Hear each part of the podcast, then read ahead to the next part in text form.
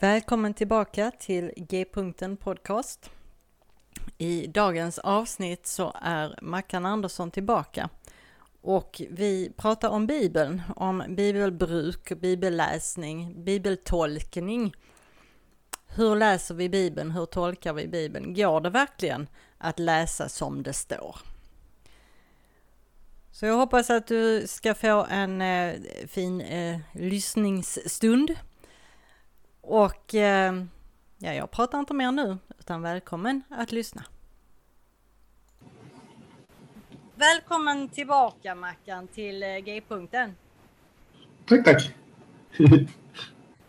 det är alltid eh, roligt när du eh, kommer och pratar lite teologi med mig.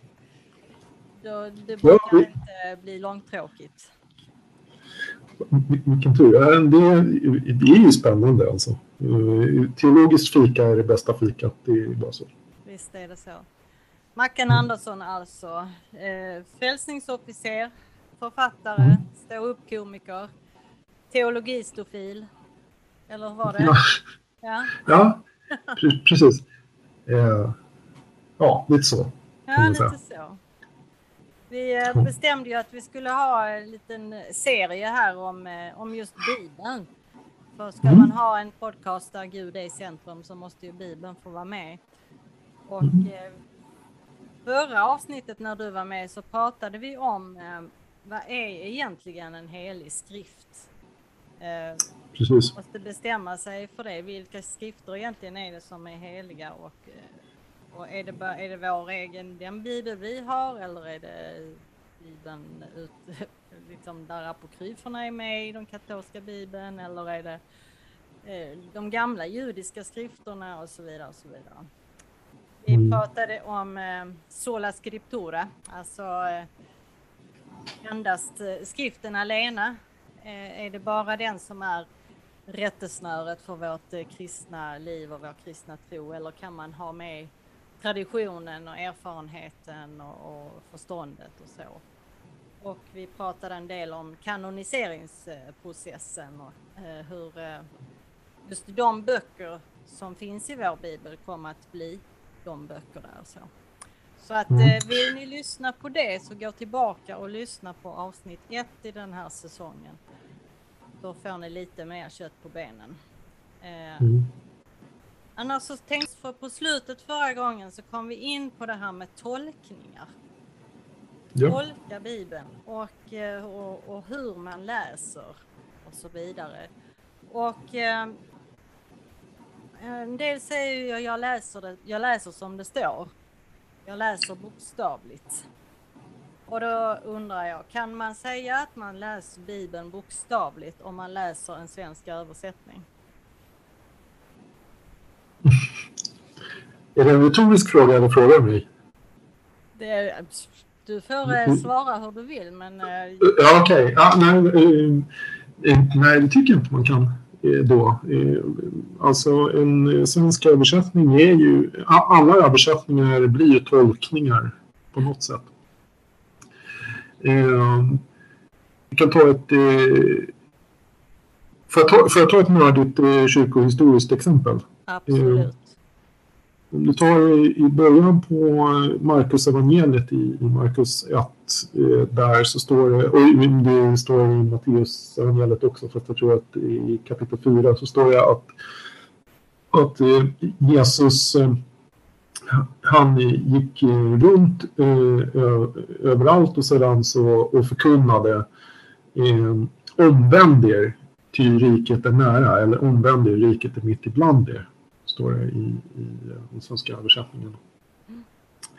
Eh, och eh, det där är jättebra, men eh, det är så här att eh, om vi backar, backar bandet lite grann så här så eh, just det översättningen av, av det enda bibelordet eh, kom att bli liksom startskottet för hela reformationen hur man skulle tolka det, den bi bibelversen. Det är en av de riktigt stora stridsfrågorna under reformationen. Och orsaken till det var att det fanns en bibelöversättning då eh, till latin som heter Vulgata som var kyrkobibel i, i katolska kyrkan. Eh, och eh, då hade de översatt då eh, den här penitentian, säger Jesus, penitentian. Eh, och penitentian för oss, eller liksom eh, om man har läst, framförallt om man läser den grekiska grundtexten då, eh, där det står metanoiente, så betyder det helt enkelt om, omvänd er. Och det gjorde det när man gjorde Vulgatan eh, också, när man översatte Vulgata, eh, alltså när man översatte från grekiska till latin, så är det en eh, penitentium eh, var, ett, var ett bra ord liksom för omvändelse.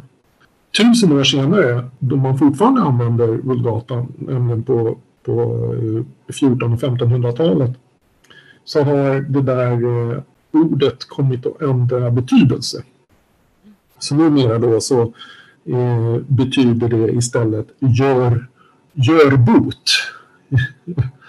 Och då, det man försökte eh, då, eh, då hade vi liksom en, en kyrklig tradition av botgöring som eh, menar, vi, vi känner igen från Hollywoodfilmer. Du vet så här, säg 20 av Maria och lägg två silvermynt i bössan så här så har du köpt dig fri på något sätt så där. Så istället för att Jesus säger penitentiam Alltså istället för att Jesus säger omvänd er eh, så säger han plötsligt gör bot, eh, be 20 av Maria och lägg två silvermynt i sparbössan. Liksom. Och eh, det är det här som Luther bland annat vänder sig emot och varför han bestämmer sig för att det är superviktigt att makten att uttolka eh, skrifterna rycks ur händerna på, på prästerna och det korrupta kyrkoväsendet. Utan hans idé är ju då att om, om det finns bibelöversättningar på, på folkspråken så kommer alla att kunna se och läsa och förstå vad det var för någonting som Jesus egentligen menade. Och eh, kan liksom eh, göra sin ja, egen uppfattning och så här då. Så det är en, en eh, det är en gigantisk idé naturligtvis och, eh, eh, och så, men det är ingen det är inte så att det är någon någon gång som har vaknat upp en morgon och sagt bara nu ska det här ordet börja betyda någonting annat. Utan det är ju mer bara att eh, det blir så. Språk utvecklas liksom under, eh, under tid. Och eh, vi har ju inte jättemånga eh, ord kvar liksom, eh, som vi använde på vikingatiden. Eh, det finns några stycken men inte hur många som helst. Och det är väl på samma sätt i latinet då att, att på tusen år så ändrar sig saker och ting och även betydelsen.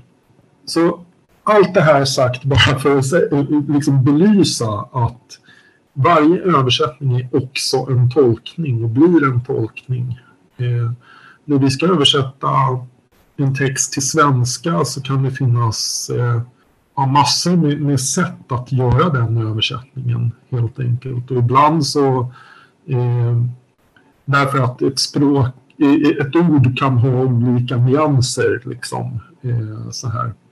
Och de där nyanserna kan också eh, skifta över tid. Om vi tar ett ord som eh, på svenska som eh, menlös till exempel så betyd, betyder det en sak idag eh, men betyder någonting annat för 100 år sedan och för 200 år sedan.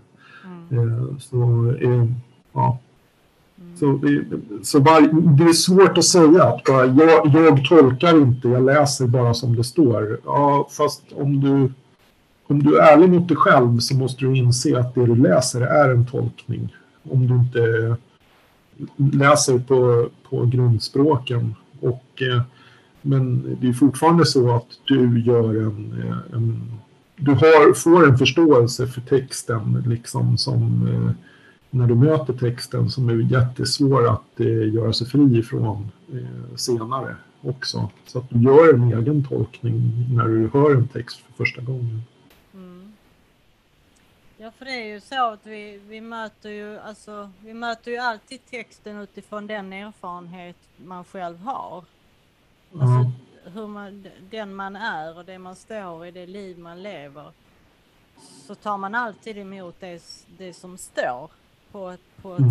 på ett personligt sätt. Så man gör alltid en tolkning vare sig man vill eller ej. Ja, Och eh, som du sa, ska man läsa bokstavligt så får man läsa på grundspråken. Och inte ens då kan man vara helt säker på att man förstår det rent bokstavligt därför att eh, vissa ord kan ha olik, dels olika betydelser och dels olika nyanser. Och, eh, man kan förstå den, äh, säger man meningen på ett sätt så, eh, så betyder det en sak. Och, och, precis. Mm.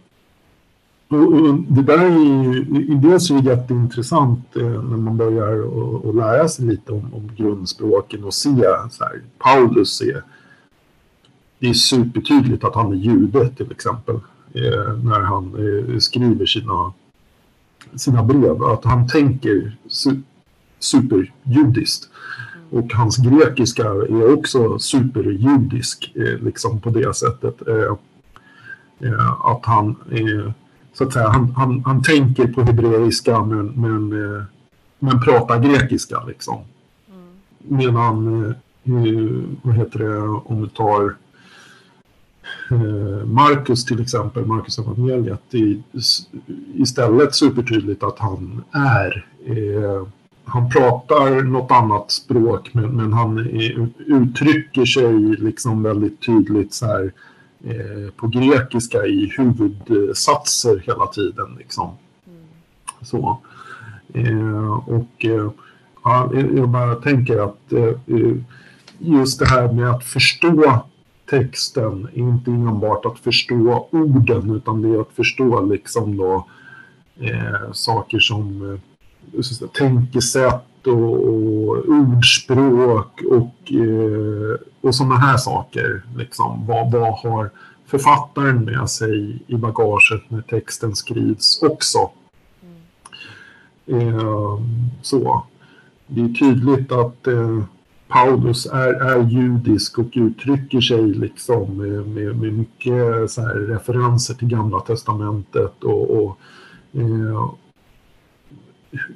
liksom refererar hela tiden tillbaka till, till bibeltexter som handlar om det han pra, pratar om i breven. Och man, lä, man läser det liksom eh, så här som att bara, ja, ja, okej, det här är supertydligt. Framförallt om man har läst eh, Septuaginta så är det supertydligt. Eh, men eh, om han, eh, men eh, just att eh, han, han har hela tiden de här judiska tankarna. Och är det så då att man inte har någon koll egentligen då på, eh, på vare sig eh, judisk eh, tradition under, under första århundradet så där, då kan det bli rätt konstig grekiska egentligen. Eh, så. Eh, så att eh, det, det gäller verkligen att, att eh, liksom, hålla tungan i rätt mun som det brukar heta och, och försöka eh, försöka vara lite, försöka vara lite vis. Liksom. Det går inte att läsa bokstavligt. För bara för att vi förstår alla orden betyder det inte att vi förstår sammanhanget eller vad det är för någonting som försöker sägas. Mm, nej, precis. Kontexten är ju alltid väldigt eh, viktig. Och, eh, jag tänker även på i hebreiskan, på många ställen Mm. egentligen i Gamla Testamentet, det är ju ordlekar Mm. Man använder som ord som liknar varandra och så blir det liksom ett samspel där mellan dem och så. Och sen när man översätter det till svenska så det faller helt bort och så tolkar man det Mm. på något annat sätt. Mm. Och, eh, ja, vi kanske kommer bort ifrån från ämnet, men just jag tänker, tänker på det väldigt, väldigt mycket på hur skillnaden också med, mellan hur judarna förhåller sig till, till sina heliga skrifter då så att säga och hur, hur stora delar av, av kristenheten förhåller sig till eh, helig skrift. Alltså är det, är det okej att eh, vi tror olika om en viss text, att vi, eh, eh, att vi har ett pågående samtal om en viss text, att jag kan tvivla på en viss text eller sådana här saker. om du pratar med, med en troende jude, oavsett egentligen vilken tradition de kommer ifrån, även ultrakonservativa judar, skulle alla säga ja, det är helt klart att det är okej. Okay. Därför att det är så vi förvaltar religionen. Liksom. Ja, det är, väl, det, det är väl liksom en självklarhet. Eh, att ja. man, eh, man engagerar sig i det de kallar midrash. Va? Mm, precis. Där man sitter och eh, samtalar om texten och man har sina olika synvinklar och, och en, enligt judisk tradition så ska väl skriften ha 70 ansikten. Eller vad det är.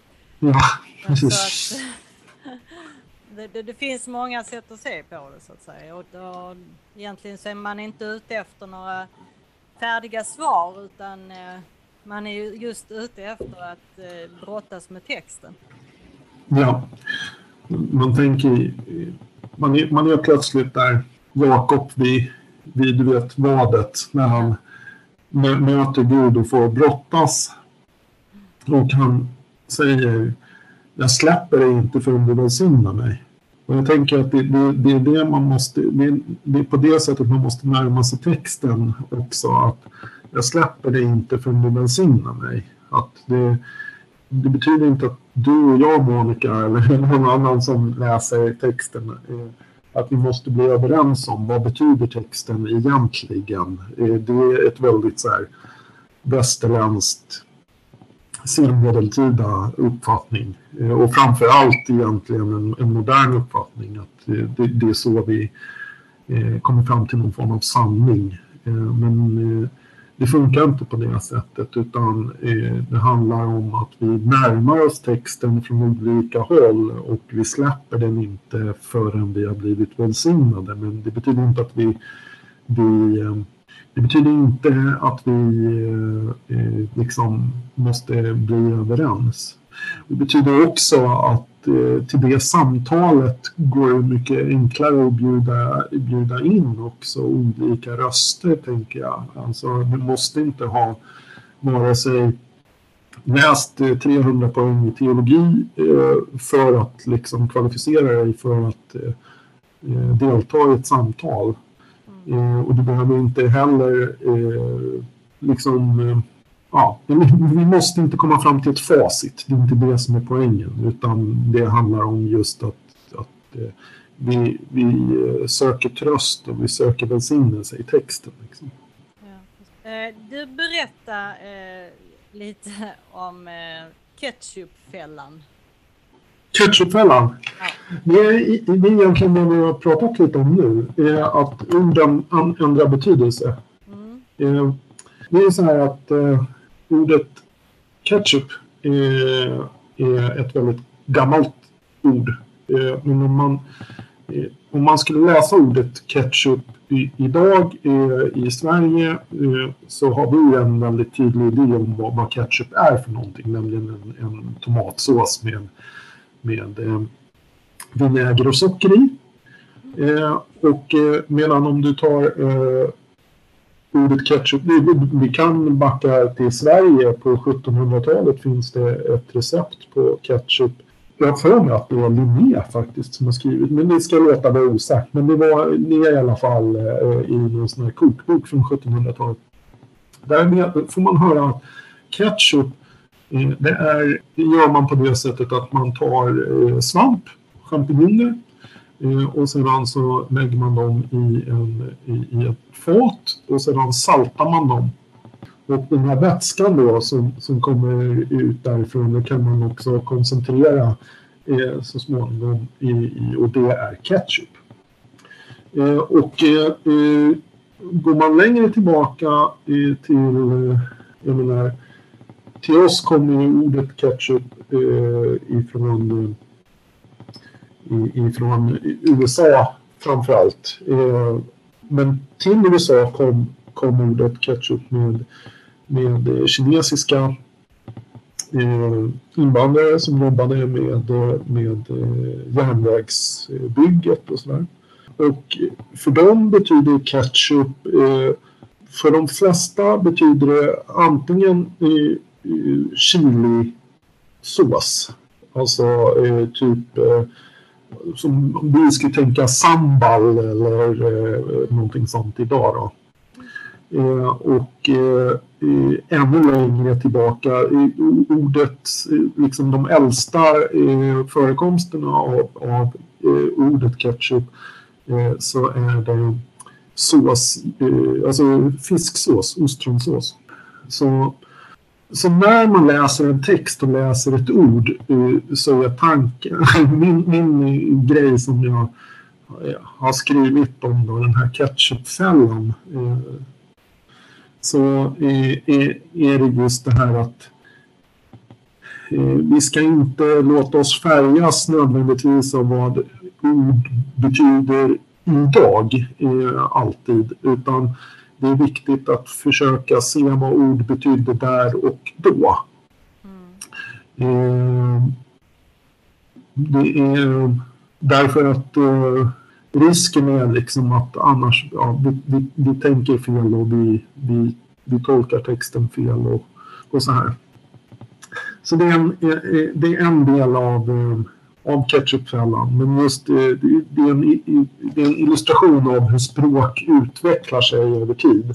Mm. Eh, och att texten då egentligen ändrar betydelse om vi inte är medvetna om liksom, eh, ursprungs... Eh, vilken kontext det, skrevs från början.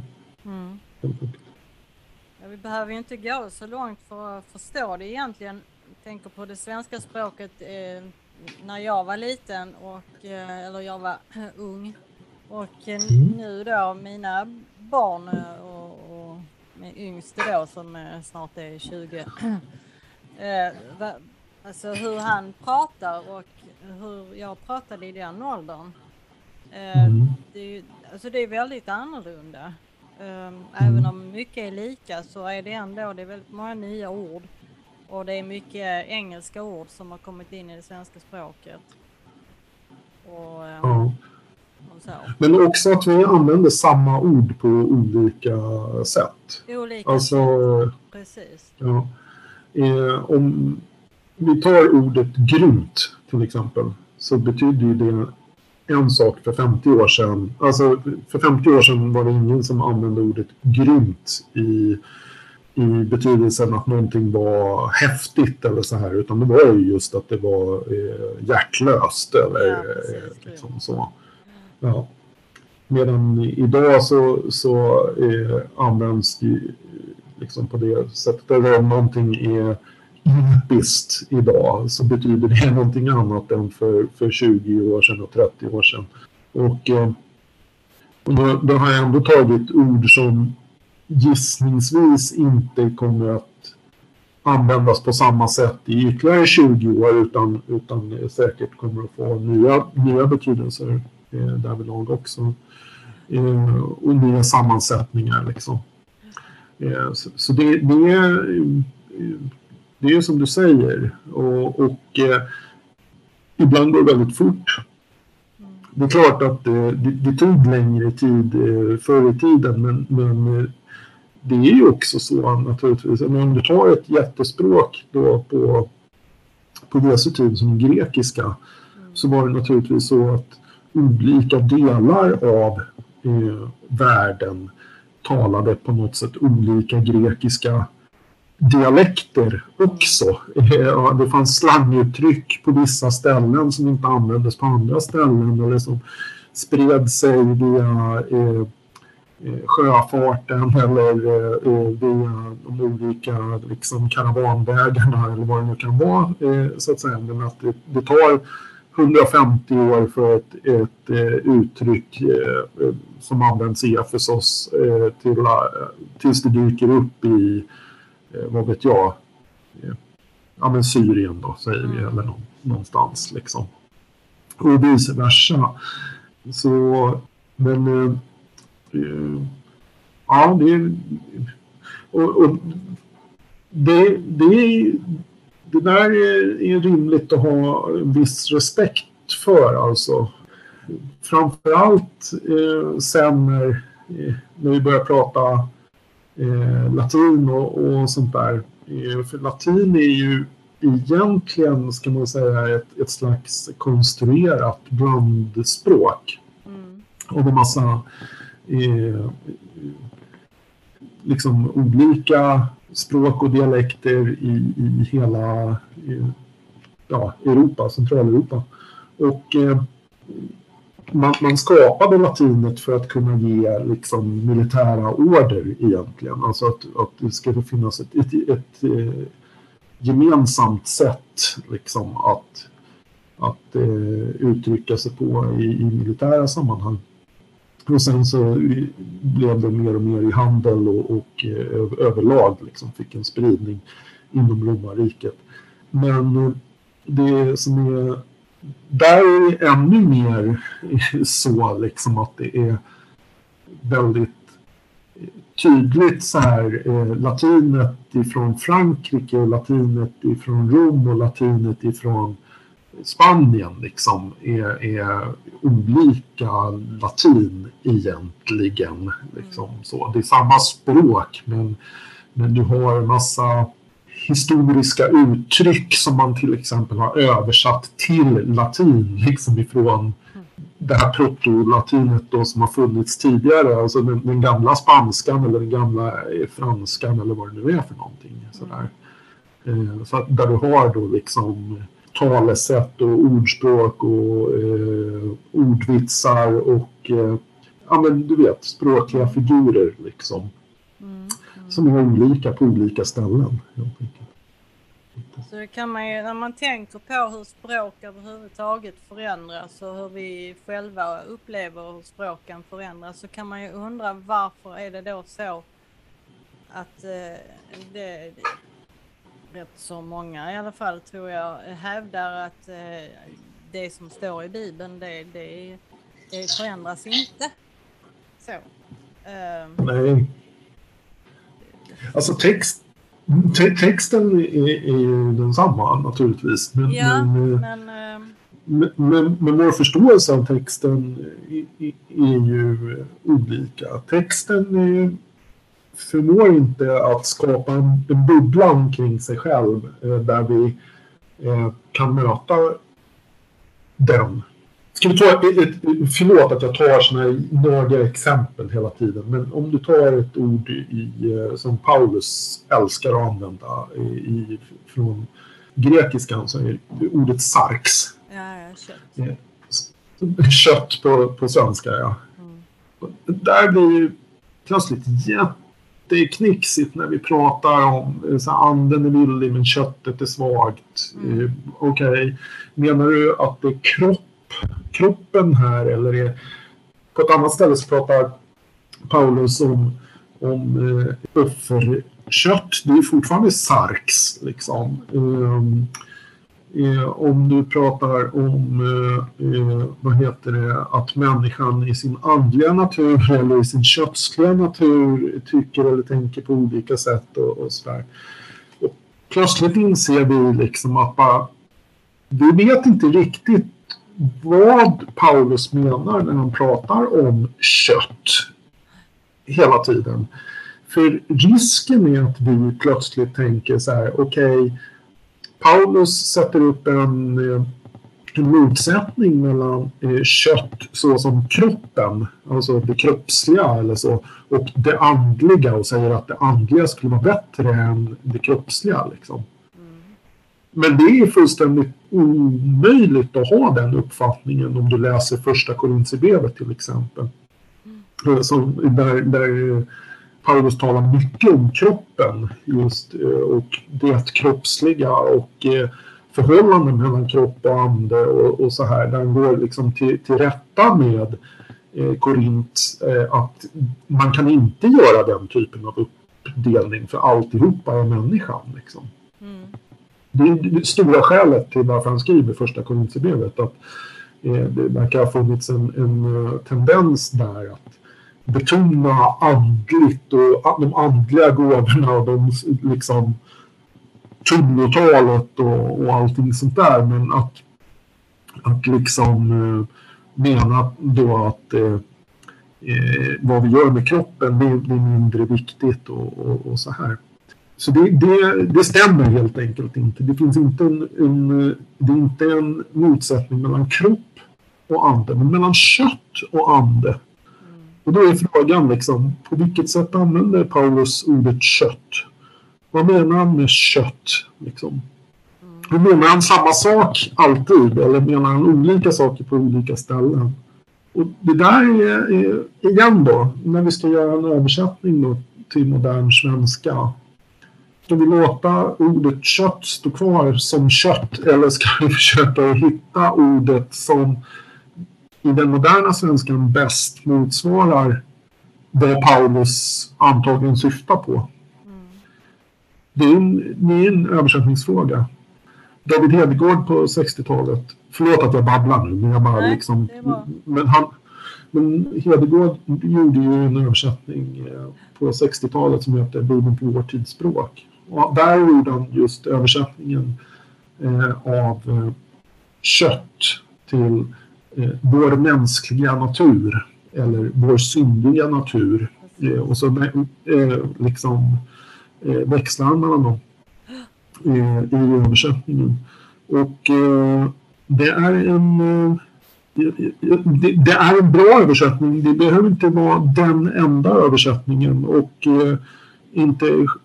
Men det är en bra översättning tycker jag. Men, men, men som sagt, eh, det kräver liksom en väldig känslighet då för...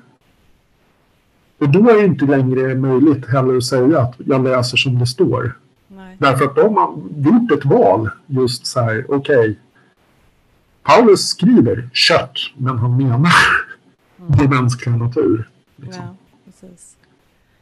Ska man läsa, läsa som det står också så måste man ju välja just den översättningen som man vill läsa där som det står. Och mm. är det då eh, Karl XIIs bibel eller är det 1917 års översättning eller Hedegård eller Bibel 2000 eller är det Handbok för livet? Ehm, ja. Och det kan, ja, det kan bli väldigt stor skillnad överhuvudtaget bara mellan dem. Ja. Och um, för Bibeln, det är ju ändå så att det är väldigt många år sedan den skrevs. Eller de skrifterna som är vår bibel. Eh. Väldigt många år sedan. Och eh, att den skrevs ju inte, alltså den skrevs ju inte till oss. Eh, på Nej. 21, men den skrevs ju ändå för oss. Eh, mm. Så att vi, vi får del av den och vi kan få lära oss av den och vi kan få just brottas med den texten precis som människor har gjort under många, många, många år. Och det är väl det som är just hur läser vi Bibeln liksom? Hur, hur, eh, hur brottas vi med texten och hur kan vi förstå? Hur kan vi förstå vad det står och hur kan vi ja, men ta till oss det mm. även om vi inte förstår? Mm. Jag brukar ibland... Eh, jag, jag, jag, tänker att eh, det du säger är, är superviktigt. Sen vet jag inte om, om jag är elak om jag påstår att de flesta som som hävdar att de läser som, de, som det står. Att de flesta gör inte det heller utan de läser enskilda bibelverser. Ja. Och sen hävdar de att det här är vad texten handlar om. Mm. Eh, men det är inte ens säkert att de har förstått den enskilda bibelversen. Liksom. Men eh, dessutom så här, ja men att man, då, man, man har tagit en, en vers ur... Förlåt att jag kommer med så här, i, exempel hela tiden, men, men alltså om du tar i, en, en text som alltid läses på alla vigslar så är det i Matteus 19. Okay. Eller hur? Eh, där man säger att eh, vad, vad Gud har sammanfogat kan människan inte åtskilja och så här. Eh, därför ska man överge sin far och sin mor och, och hålla sig till sin hustru och så vidare. Och så vidare. Så. Det, det läser man alltid. Men vad man inte säger det är att den texten i Bibeln, den handlar inte om äktenskap. Det är inte en text där Jesus eh, undervisar om äktenskap. Det är en text där Jesus undervisar om skilsmässa. Ja, precis. Eh, och då blir det plötsligt jätteknepigt. Eh, och sen finns det ju då de människorna, nu, det här, man får tycka vad man vill i den här frågan. Det är inte, jag kommer inte komma med något facit i frågan nu. Men jag bara vill peka på en slarvig användning av texten. Då finns det de människorna dessutom som ur Matteus 19 rycker när Jesus då citerar skapelseberättelsen och säger eh, till man och kvinna skapade han dem. Och sen så säger de, ja just det, så Matteus 19 säger att, liksom, i Matteus 19 säger Jesus att människan blev skapad till man och kvinna. Det betyder alltså att det är bara män och kvinnor som kan gifta sig med varandra och det finns ingenting annat än män och kvinnor utan Gud skapade bara män och bara kvinnor. Och grejen är då att då har man, då har man tagit en halv mening ur en vers ur en text som inte handlar om det man försöker prata om. Liksom. Förstår du vad jag menar? Och det måste man ändå säga är dålig tolkning. Det, det finns inget, det, no two ways about it. Det är verkligen en dålig tolkning. Ja. Och det är absolut inte att läsa som det står. Som det står, nej. Men man då kan avsluta hela argumentet med ja, nej men det är bara att läsa som det står här. Jesus säger mm. till man och kvinna skapade han dem. Punkt. Därför ska en man överge sin far och mor och hålla sig till sin hustru. Alltså det blir så här, ja men vänta, Du, texten handlar inte om... Sen kan man tycka i och för sig, men det, det är ju inte skadligt att, att läsa den vid, vid vigslar. Jag har det är inte det, det är bara det är en sån här pet peeve hos mig. Att man, man, man tar en text som egentligen handlar om något helt annat men den låter bra. Det är samma sak som väldigt många läser första Korintierbrevets mm. trettonde kapitel på vigseln. Ja. Kärlekens lov. Men jag menar, det är inte kärleken mellan två människor primärt eh, i, i ett parförhållande utan det är ju kärleken i församlingen mm. som ska ta sig uttryck på det här sättet. Liksom. Mm. Så det är kärlekens väg som håller ihop församlingen. Eh, det är det som, som är liksom Paulus hela eh, eh, grej med den texten. Mm. Kan vi använda den i eh, en vigsel? Ja, absolut. Men man, man kanske liksom ska fundera över sådana här saker som Gör jag våld på texten nu när jag tar, tar den ur ett eh, speciellt eh, sammanhang? Eh, och som sagt, när du tar en del av en mening ur en vers ur ett sammanhang som inte handlar om det som du försöker säga, då gör du våld på texten, hävdar jag. Mm. Precis. Och det... Var jag elak och drastisk nu? Jätteelak, men det är det jag har dig till. Ja, men det är bra. Så det är inte bara jag som är elak hela tiden. Um, men det, just det här med att dra ut en, eh, en, en vers. Eh, det är mm. många av oss som är, är förtjusta i minnesverser. Och, mm. Ehm, och det, då, jag har ingenting emot minnesverser naturligtvis inte. Mm. De är väldigt eh, fina och bra på många sätt. Sen tycker jag att man ska veta var de kommer ifrån och kontexten också. Ja. Men just det här hur man kan få den här kontexten och sammanhanget då. Ja. Om man har en, en liten vers och vill veta lite mm. om vad som, ja, vad som är sammanhanget och om det egentligen om den egentligen är jätteviktig i den här versen eller hur det är. Mm. Hur gör man? Precis. Eh, du, du, har, du har läst mitt bokmanus. Ja. Eh, jag hör det när du ställer frågan.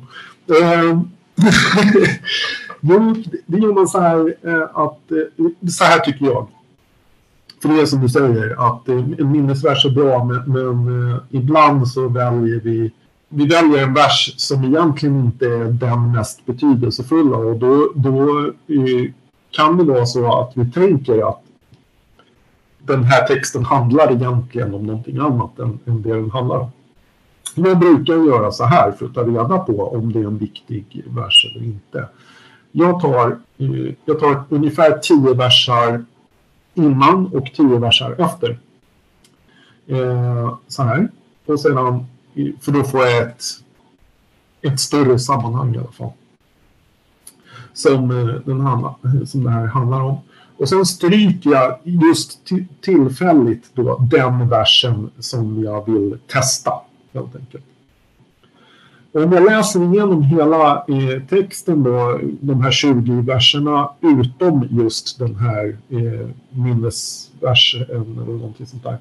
Om då texten tycks säga någonting annat än min minnesvers eller Alltså att jag förstår texten utan min minnesvers eller jag kan se vad, vad hela temat är utan min minnesvers. Den ändrar ingenting i, i själva förståelsen. Då är den inte superviktig. Medan om det är då så att eh, texten går sönder utan den här versen, då, då måste man eh, naturligtvis ha den kvar. Eh, eh så, eh, och då är, det, eh, då är det antagligen nyckelversen för att förstå eh, liksom den, det sammanhang som den står i. Men det där är, viktigt eh, därför att när vi, när vi pratar om just texttolkning att vi inte just ja, men rycker enskilda verser ur sitt sammanhang och påstår att de som det här då i Matteus 19. Att eh, här säger ju Jesus att. Va, nej. Det gör inte, för det är inte det han säger. Utan det han säger är någonting annat. Liksom. Så. Du kan ta bort den versen eh, att eh, till man och kvinna skapade han dem. Eh, som Jesus säger där. Det citatet som du vill använda. Det kan du ta bort. Och texten runt omkring ändrar inte betydelse. För det Jesus pratar om är inte det viktiga i att vara man eller kvinna eller vara man och kvinna i ett äktenskap. Utan det viktiga är att mannen inte får överge kvinnan.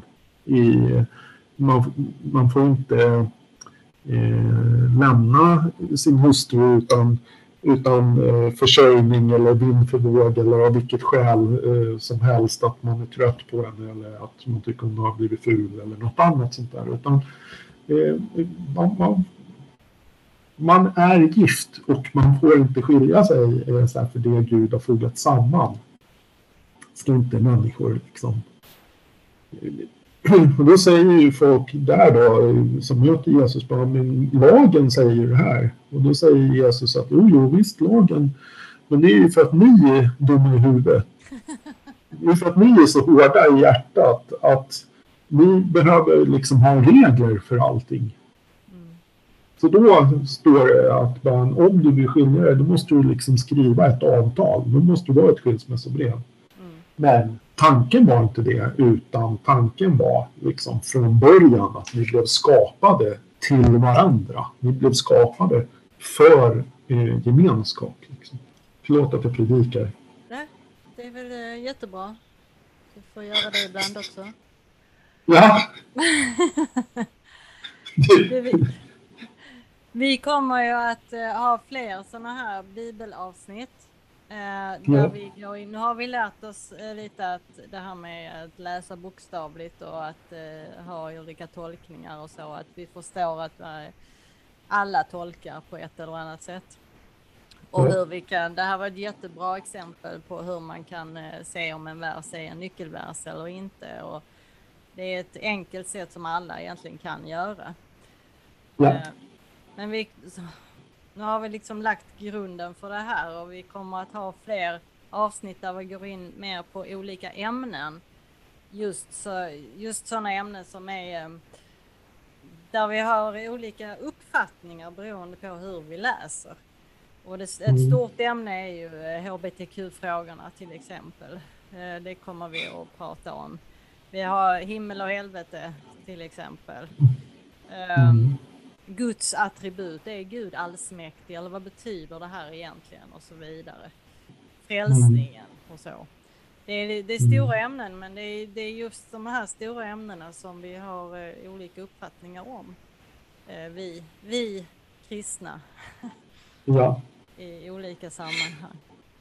Eh. Jag tänker, och, tänk, tänker också, ursäkta att jag bryter in, men alltså det, om, om vi från början har pratat om vad, vad är helig text överhuvudtaget och nu har vi pratat om okej, okay, och tolkning då av texten, alltså hur kan jag skapa någon mening så att säga på nästa våning upp i, i abstraktion. Eh, så blir ytterligare nästa, eh, nästa våning, eh, det, det, handlar om eh, eh förgrund och bakgrund, så att säga. Eh, alla texter väger inte lika mycket, eller borde åtminstone inte väga lika mycket.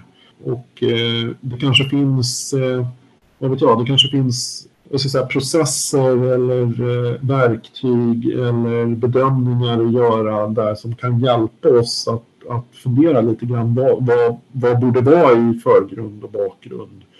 Mm. Eh, så, för att eh, hitta texterna. Yes. Eh, jag vill också passa på och eh, tala om att om man är eh, om, om man är bekväm med engelska så finns det ju den här podcasten som heter The Bible for Normal People med Pete Enns och Jared Bias som just är vad, det, vad den säger att den är. De går igenom Bibeln på olika sätt med, med vanliga ord och förklarar eh, saker och ting. Och eh, har ju dessutom skrivit ett antal böcker Eh, och den senaste är ju How the Bible actually works. Hur Bibeln verkligen fungerar. Och jag har lyssnat på den på Storytel och eh, det, den är verkligen eh, både intressant och eh, talande och verkligen sådär, jaha, ja då kan man inte läsa som det står någonstans. Sen har vi också eh, The Bible Project som också mm. både är en podcast och en Youtube-kanal. Eh, de lägger ut eh, med jämna mellanrum eh, animerade videoklipp just på olika teman i Bibeln, olika texter och så vidare. Väldigt, väldigt bra. De är mellan 5 och, och, och 5 och 15 minuter ungefär. En del av de videoklippen finns det som man kan klicka fram svensk text, men dock inte alla. Och så. Men där, det, de rekommenderas verkligen om man vill gå in mer på det här. Och sen har vi nu då Mackan Andersson som har skrivit en bok som heter Att brottas med Bibeln. Um, Men det heter den inte längre. Den hette det. Den, het, den hette det. Den heter Som ett fan läser Bibeln. Ja, men det står så här. I brottning med Bibeln. En teologistofil ja. lär dig tolka texterna som ett fan läser Bibeln.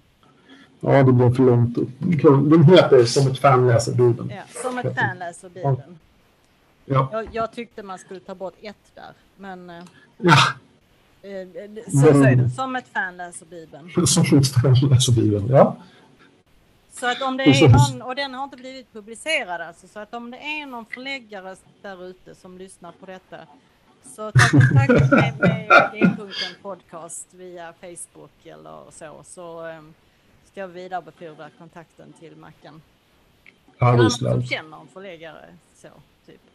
Ja. Den här borde komma ut till alla att få läsa. Tack så mycket. Ja, varsågod. Och eh, vi kan ju liksom avsluta med det här. Det finns en t-shirt jag vet jag har sett nu som eh, där, är, där det står, där är en bild på Jesus och så säger han I didn't say that. Alltså, jag sa inte det där. Och det, det kan väl sammanfatta lite av det vi har pratat om idag, tycker jag. Ja. Är det någonting jag har glömt nu, Mackan? Eller ska vi säga tack för idag?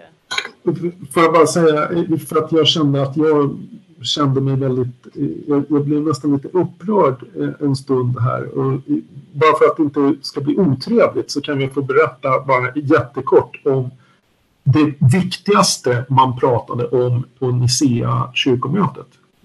För det viktigaste, det var inte, enligt de som var med, var inte huruvida eh, vilka, eh, vilka böcker som skulle vara med i Bibeln och det viktigaste var inte ens eh, liksom vilken eh, tros eh, eh, sån här bekännelse man skulle komma fram till utan den absolut viktigaste frågan, den som tog mest längst tid att eh, komma överens om, det var korrekt skägglängd hos präster.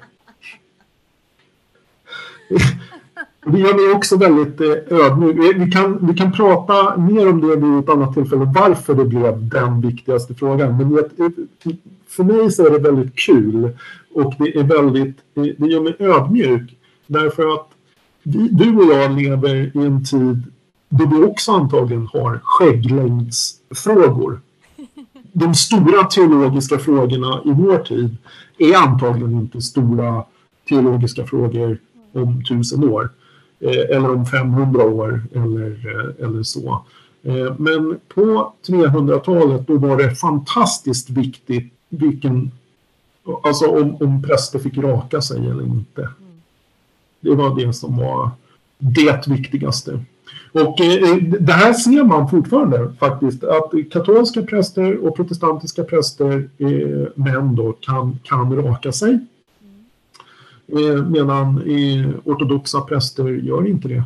Nej. Och det är alltså eh, tillbaka till, eh, det här är, är liksom tradition ända tillbaka till Nicea 325. Ja, det ger ju onekligen perspektiv på det hela. Yes. Okej, okay, men du, tack så mycket för idag Mackan. Tack själv. Så hörs vi igen nästa gång. Ja, det gör vi. Ha det bra. Okay. Hej, hej. Ja, det var ännu ett eh, avsnitt med Mackan Andersson där vi har fått lära oss mer om, om Bibeln och bibelbruk. Jag tror vi har förstått allihopa nu att läsa som det står, det finns väl inget direkt som heter det, eh, att läsa som det står, när det gäller Bibeln i alla fall. Men det är väldigt, väldigt intressant. Tycker jag i alla fall. Nästa vecka kommer jag tillbaka med eh, ännu ett avsnitt i G-punkten podcast. Och ja, jag hoppas att vi ses och hörs då. Så ha det bra så länge. Så grace and peace my friends.